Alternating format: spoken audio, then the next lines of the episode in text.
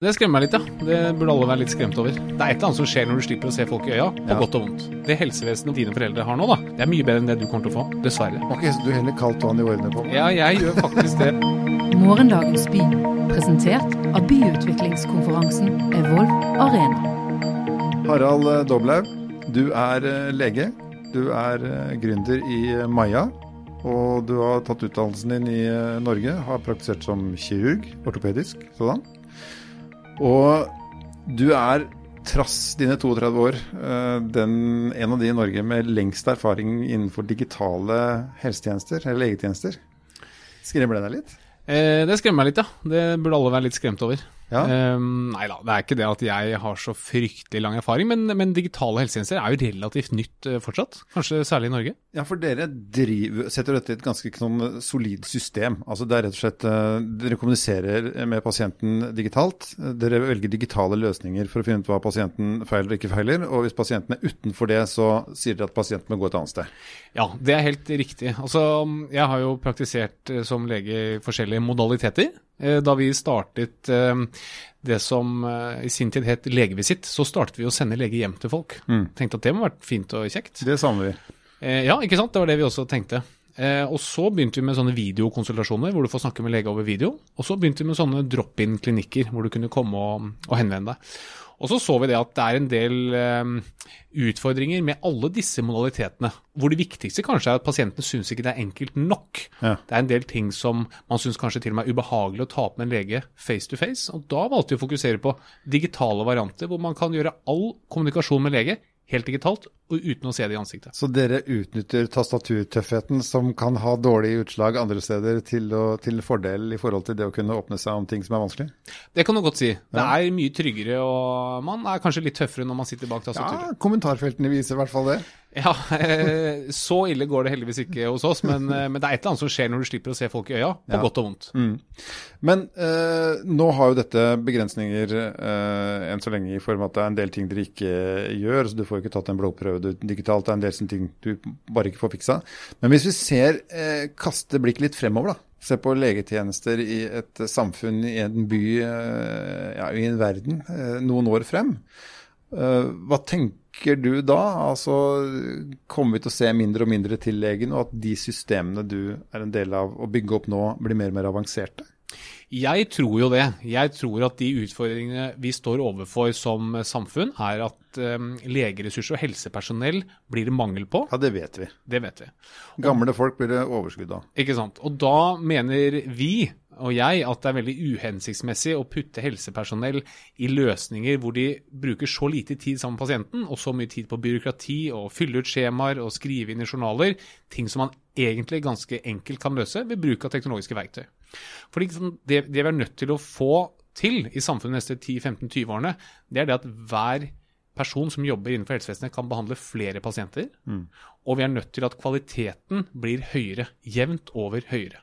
Og jeg er ikke så fan av AI og datalæring og alle disse store ordene. Jeg tror man må klare å få til noe her og nå med dagens teknologi, og det kan man bare man vil. AI, kunstig intelligens. Yes. Men det vil jo kunne legges på toppen av et sånt system uh, uansett, da, og bare ligge der og lære, hvis vi, hvis vi virkelig kaster blikket langt frem? Altså Absolutt, jeg har tro på det på et uh, 20-25-30 års perspektiv. Ja. Men jeg må si jeg ser veldig mange som sier at de driver med AI og kunstig intelligens. Hvor jeg ikke ser noe særlig bevis for det. Og det er veldig lett å si at vi har noe kunstig intelligens som skal legges på toppen og ordne det. Men teknologien vi bruker i dag, er mer enn god nok til å få mer ut av, eh, av helsepersonell. Og det må ikke være mer ut av helsepersonell som at de skal jobbe fortere eller jobbe hardere, men de må få mer tid sammen med pasienter. Husk på at leger nå bruker under 50% av tiden sin sammen med pasienter. Det er veldig dumt. Du bruker ja. så mye tid og krefter og penger på å utdanne leger, og så skal de bruke tiden sin i byråkratiske prosesser. Helt håpløst. Som egentlig kunne vært gjort av helt andre ting, eller i systemet som eh, bare kan rigges rundt dem. Yes. Eh, men du, eh, alle har mobiltelefon. Mm. De fleste har en smarttelefon, og den samler helsedata. Og den kan samle mer. Du kan få klokke som samler nesten alt. Du kan ta blodprøver hjemme. Du kan gjøre alt hjemme snart. Eh, hvis, hvis jeg sier til deg, eh, nå, nå er jeg også litt i framtida, at jeg, nei, men jeg er villig til å dele alle de dataene med deg. Du ser hvor mange skritt jeg har gått. Du vet hvor mye kolesterol jeg har. Du vet blodtrykket mitt på de gitte tidspunktet i forhold til hvordan jeg oppførte meg og hva jeg gjorde. Ser du en mulighet for helsetjenester hvis den type massive data kan, kan deles? Nå er, jo, nå er, vi vant til at dette er det staten som sitter på, og ingen skal snakke om det. Liksom. Det er personvern. Men jeg kan jo dele det med deg. Ja, du kan det. Og det har knyttet veldig mye forventninger og optimisme til akkurat dette her. Folk tror at bare legen får nok data, så får de løst ting. Ja. Jeg, jeg, tror ikke noe på det. Ok, Så du heller kaldt vann i årene på meg? Ja, jeg gjør faktisk det. fordi hvis du ser på blodtrykk, da, som er en interessant, en, en interessant problemstilling, og du får jo nå kjøpt gode blodtrykksapparat som du ja. kan ha hjemme. Ja. Men hvis du ser på pasienter som allerede står på blodtrykksmedisin, og som går til fastlegen sin si tre-fire ganger i året og får målt blodtrykk, ja. til og med de får ikke nok blodtrykksmedisin. Til og med de går med for høyt blodtrykk. Så det handler ikke om mengden data som kommer inn, det handler om hvordan du bruker den dataen. Og en annen ting som er viktig for oss leger og helsepersonell, er det at det er ikke alltid sånn at jo mer data vi får, jo bedre.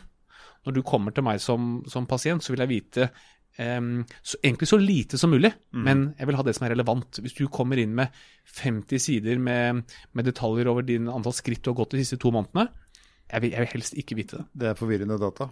Ja, det er forvirrende data. Og så tror jeg det at Vi vet jo at pasienter har jo en tendens til kanskje å pynte litt på sannheten. Og, ja, nettopp det. Og har, har, du gått alle skrittene jeg anbefalt deg, eller har du tatt alle medisinene?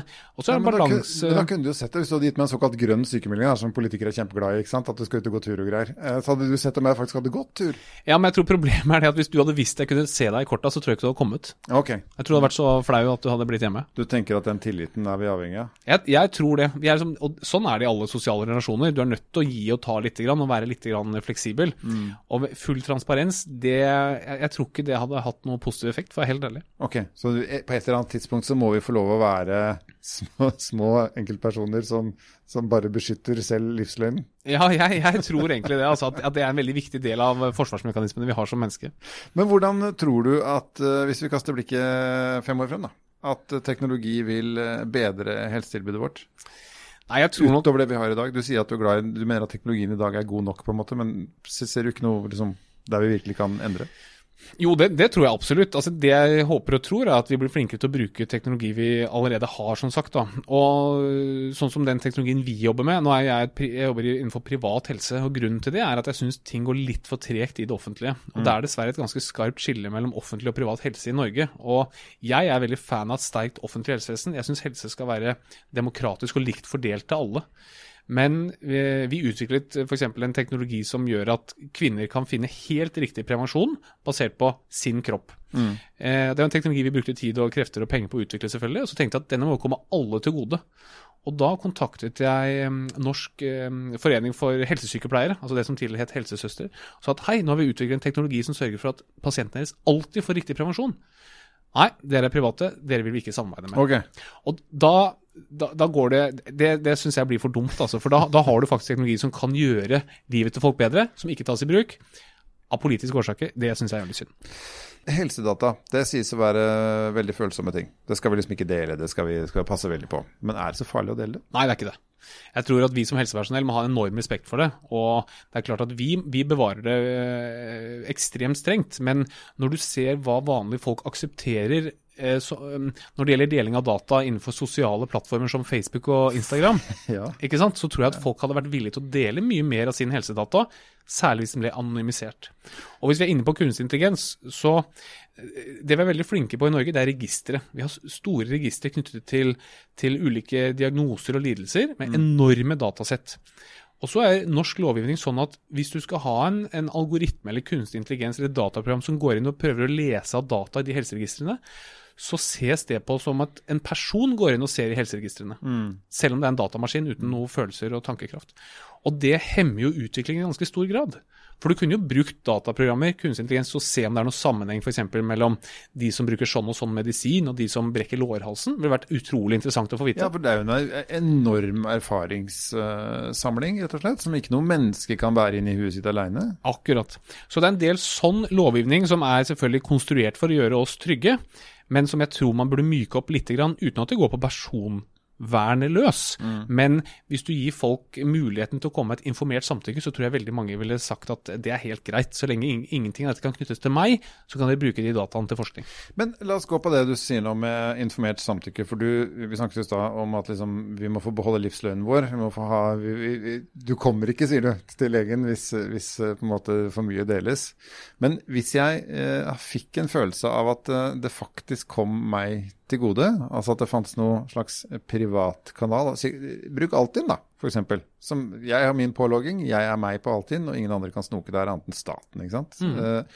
så så sier jeg at ok, det er greit, Eh, vi kan kanalisere det gjennom der, og så, og, så, og så kan du få maksimalt med informasjon. Da veit du hva jeg dreiv med da jeg brakk lårhalsen. Du veit hvor høyt blodtrykket mitt var på det tidspunktet. Du veit hvilke medisiner jeg gikk på. Du vet alt.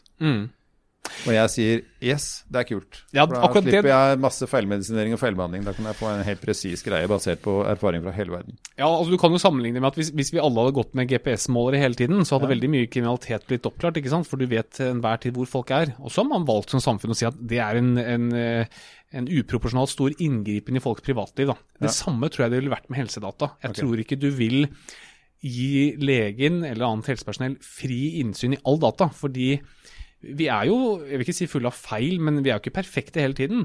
Og jeg tror eh, å gi folk innsyn i dine helsedata, det ville følt, eh, da føler man seg veldig naken, og det er ikke en følelse man liker. Nå høres det ut som en eh, person som argumenterte mot sykkelhjelm for 20 år siden.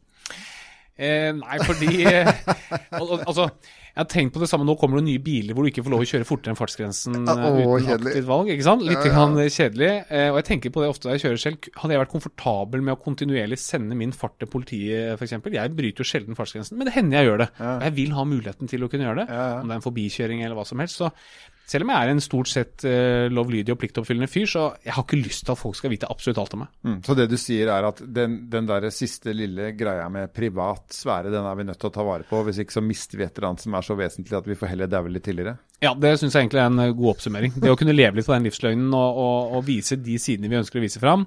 Eh, hvis det tar et år eller to av livet til folk, så jeg tror faktisk det er en vurdering de ville tatt. Ser du noen forskjell eh, Nesten i hele den vestlige verden så har vi en sånn by-land-konflikt. Altså Folk har det mange steder dårligere på landet enn de har det i byen. Du ser det politiske livet i USA, fenomenet Trump hele, altså, det, det finnes mange eksempler på det. Eh, er det noen helsemessige fremtidige eh, poenger i om du bor her eller der? Vi sang gøy på landet da jeg var liten, og det var så sunt og fint å bo der. liksom. Nå tyder det på at det faktisk er motsatt. Eh, at det er bedre i byen. Hva tenker en relativt ung lege med digital interesse om, om de tingene? Nei, jeg synes Det er et veldig interessant spørsmål. Norge er et veldig langstrakt land. Så jeg for eksempel bor jo i Oslo. Bor i relativt nærme sentrum. og Det betyr at hvis jeg får et hjerteinfarkt, for eksempel, så har jeg bare noen få minutter til sykehuset. da. Og Det påvirker min helse i positiv grad dersom jeg skulle få et hjerteinfarkt. Mens bor du langt oppe på høyfjellet et eller annet sted, du må ha luftambulanse, og det er ikke alltid det er flyvær og sånn, så er det økt sannsynlig for at du faktisk dør av hjerteinfarkt. Og sånn er det. Og jeg tror at det finnes såpass mange parametere som kanskje trekker i andre retning. Altså Jeg bor i byen, der er det mer luftforurensning, det er mer astma, det er mer kols der hvor jeg bor. Mens bor du midt på landet, ja, du har litt høyere dødelighet hvis du får hjerteinfarkt, men kanskje livskvaliteten er høyere. Mindre stress, mindre luftforurensning. Og sånn vil det alltid være, og så får man heller velge hva som er viktigst for deg. Så det må man rett og slett regne på hvor, på alle parameterne. Altså det, I snitt så kan man tenke seg at folk som lever på landet, selv om de dør tidlig av hjerteinfarkt, eh, men så er det såpass få infarkt så de lever lenger pga. andre ting. Ja, helt riktig. helt riktig. Du må velge hva som er viktig for deg. Jeg, for meg er det viktig. Jeg syns det er helt fantastisk å kunne bestille mat gjennom en app som leveres hjem til meg. Ja. Men uh, ulempen av det må bo nærme bykjernen. Da har jeg ikke stor hage og har ikke eh, noe særlig utsikt. Men uh, nei, jeg prioriterer å kunne få maten levert igjen uh, gjennom en app. Men er det ikke eh, en slags eh, helsemessig å si, eh, garanti for oss mennesker at vi er sammen med andre mennesker? Det er jo, Vi er flokkdyr. Vi liker oss i flokk. Vi, og det er vel fordi vi faktisk er tryggere i flokk? Ja, altså vi er jo sosiale dyr, og det å ha sosiale relasjoner, positive sosiale relasjoner, er veldig viktig for folks helse. Så er vi også forskjellige, da. Noen trives veldig godt å være sammen med mange og får energi av å være sammen med mange, mens andre har det stikk motsatt. Vi var dødsslitne når vi hjem. Ikke sant? De, da, de føler at det er tappende. Og det er viktig å kunne ha et, et samfunn og et eh, land og en kultur som tillater begge deler. Det tror jeg er veldig viktig. For det tror jeg at å, å prøve å få en sånn one size fits all, det mm, vil ikke være gunstig for noen. Hvordan skal vi sørge for eh, best mulig eh, helsetilbud for folk inn i fremtiden? Hva er, hva er faktorene? Faktorene er at vi fortsetter å satse på et sterkt offentlig helsevesen. Det tror jeg. Det er måten å gjøre det på. Og så tror jeg at eh, det offentlige helsevesenet må også innse at de har såpass knappe ressurser at mye innovasjon, det vil skje i de private helsetjenestene. Det er de som har kapasitet og kapital og tid til å, til å teste ut nye ting. Og så tror jeg det offentlige helsevesenet være flinke til å se at når noe fungerer i det private, ja, så må det inkorporere det i det offentlige. Eh, Jeg er veldig sterk motstander, og det er heldigvis de fleste nordmenn, av et todelt helsevesen. Vi vil at akkurat når det kommer til helse, så skal alle behandles likt. Ja, for det er noe helt annet. ikke sant? Ja, det er mer innovasjonskraft kanskje, og det er mer kapital og det er mer investeringsvilje. Altså, eller det er mulig å investere i, i privat, privat helsevesen, men mens eh, jeg tror nok du har rett i at de fleste nordmenn ville reagere ganske kraftig på eh, hvis folk uten penger døde før de med. Ja, og det er vi nok, vi er nok på vei i den retningen nå, dessverre. Og vi ser nå at 10% av nordmenn har jo helseforsikring. og Det betyr i praksis at du kommer litt foran i køen til private helseforetak hvis, det skulle, hvis du skulle feile noe. Og Det er en utvikling som jeg tenker er negativ. og Da må man heller være flinkere i det offentlige til å skape eh, mindre køer, lettere tilgang til, eh, til helsetjenester. Og så bare se til det private. Hva fungerer der? Inkorporer det i det offentlige. Jeg er en typisk fyr som eh, representerer foran deg nå, som sitter i den kommende eldrebølgen. Det er, det er meg. Jeg er pensjonist om eh, tolv år. Og jeg er i noen barnekull som var helt enorme på 60-tallet. Og vi kommer til å forlange helt andre ting av helsevesenet enn det mora og faren min gjør. Bekymrer det deg? Ja, fordi du kommer aldri til å, du kommer aldri til å ha det så fint som det vi har det nå. Det helsevesenet våre foreldre, eller dine foreldre har nå, da, det er mye bedre enn det du kommer til å få. Dessverre. Hva, hva, hva skjer? Vi er altfor få arbeidende per pensjonist om eh, 12-15 år enn det vi er i dag. Så i dag så har vi mye overskudd, mye kapasitet til å kunne ta vare på de eldre. Det har vi ikke om 15 år. Og det er det som bekymrer meg, og det er derfor vi er nødt til å finne gode løsninger. da. Der tror jeg teknologien kommer inn. Nytter ikke å, å ha en fastlegekrise hvor, hvor, hvor vi har i dag en fastlegemangel, og det er stadig flere fastleger som vil slutte. Det er helt håpløst. At ingen kommer inn og bare rydder opp i det. Det er, helt, eh, det er, det er håpløst, og det er veldig urovekkende for eh, de som deg, som er eh, pensjonister om 15 år, og som kommer til å kreve en del av helsevesenet om 20-25 år. Men hvordan kan du digitalisere meg? Nei, vi skal ikke digitalisere deg, men vi skal passe på å bruke en del Ja, digitale men løsninger. behovet mitt, da. Det er Sånn at jeg kan bli en fyr som uh, får jeg, jeg kjøper teknologi. Jeg er ikke den generasjonen. Jeg syns det er helt kult. Ja. Hvis jeg får noe på en skjerm som jeg, som, som er, og som, og som jeg skjønner er erfaringsbasert, gjerne via kunstig intelligens og verdens, og verdens algoritmer om hva jeg skal ha av medisin for min tilstand osv., så, videre, så vil jeg tro på det. Ja. Mer enn legen min. Jeg er en av de som mener at piloten er den farligste i et fly, ikke teknologien. Mm. Så, så jeg kan flytte om med det. Så Si at, men ok, hvordan, hvis jeg er så klar, hva, hva, kan, eh, hva kan jeg vente? Nei, Da tror jeg at det som kommer til å bli en del mer av, det er sånne smarte sykehjem, da, eller sånne omsorgsboliger hvor veldig mye av overvåkningen og kontrollen skjer av eh, overvåkningsutstyr og av, teknologi. Du trenger ikke ha en sykepleier som går og ser på deg morgen og kveld. Der har du kameraer som filmer deg til enhver tid, men som er uhackbare og de er krypterte osv., så, videre, så du vet at personvernet er ivaretatt, men som kun gir beskjed til f.eks. en sykepleier dersom du har falt og slått deg eller ikke har beveget deg på en stund. Eller man kan ha utstyr som overvåker eh, pulsen din, hjertefrekvensen din, eh, temperaturen din, og som kan si fra når du er i ferd med å bli syk. For da kan du flytte helsepersonell til å faktisk behandle de som er syke, mens de som er friske og som for å sette på spissen, går og venter på å bli syke, de blir overvåket av teknologi og sensorer. Man har jo eh, selskaper som jobber med eh, smarte sensorklær, eh, f.eks.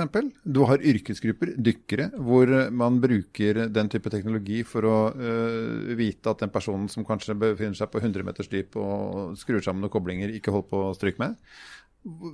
Ser du for deg at man kan bruke det på gamle folk som ikke trenger helsetjeneste hele tiden, men som plutselig kan trenge det? Absolutt, det er akkurat det. Det er akkurat det vi må gjøre. Og vi må komme oss til et system hvor I dag så går du til legen når du er sjuk, da. Så du går statistisk sett til legen to-tre ganger i året. Eh, mens de andre dagene har du overlatt helt til deg selv. Jeg tror vi kommer til å komme i en situasjon om ikke fryktelig mange år hvor man kontinuerlig overvåkes av teknologi, og man kan henvende seg til legen også når man er frisk, for å holde seg frisk, og hvor de- denne teknologien som overvåker en selv, den sier fra til legen eller helsepersonell når man er i ferd med å bli syk. Da. Dette bruker de bl.a. på store kufarmer, hvor man selvfølgelig er veldig opptatt av å overvåke kuer som er i ferd med å bli syke. Og Så gjør man studier og ser man, ok, hva er det første som skjer når en ku er i ferd med å bli syk? Jo, den begynner å henge med huet. Da putter du sensorer på huet til kua. Ja, hvor, Eller- høyt, hvor høyt over bakken er det? Ja. Ja, ikke sant? Eller, eller kameraer som over, ser på hodet til kunden og sier ah, han her eh, begynner å henge med hodet, inn med veterinæren. Sånn tror jeg vi kommer til å gjøre i større og større grad på humanmedisin også. Forskjellen på kuer og folk er selvfølgelig bare den der eh, personvernsgreia og egne meningene om at jeg vil ikke ha et kamera som følger med på hvor huet mitt henger. Jo, ikke sant? Og det er litt innpå det vi snakket om i sted. Jeg tror, jeg tror Gi folk et uh, mulighet til å komme med et informert samtykke. Si at vet du hva, hvis jeg skulle bli dement, eller eh, også før jeg skulle være dement, det er helt greit for dere å overvåke meg, så lenge jeg vet at ingen har tilgang til min data. Jeg har jo et, hjemme har jeg et alarmsystem med kamera rundt omkring i huset. Og så sier de som har solgt noe etter kamerasystemet, det er ingen som har mulighet til å se de kameraene før alarmen din er påskrudd. Ja, det stoler jeg på. Og da har jeg kameraene hjemme. Og sånn tror jeg det kommer til å bli mye mer av fremover. Men så kan du ta en, eh, en herværende parallell, da, som egentlig, egentlig viser ganske mye av dette, syns jeg. Det er, eh, Nå eh, vet jo ikke franskmennene for ikke lenge siden at uh, arbeidsgivere og andre kunne nekte folk som ikke hadde vaksinert seg mot covid-19, uh, adgang til alt fra arbeidssteder til restauranter til andre steder.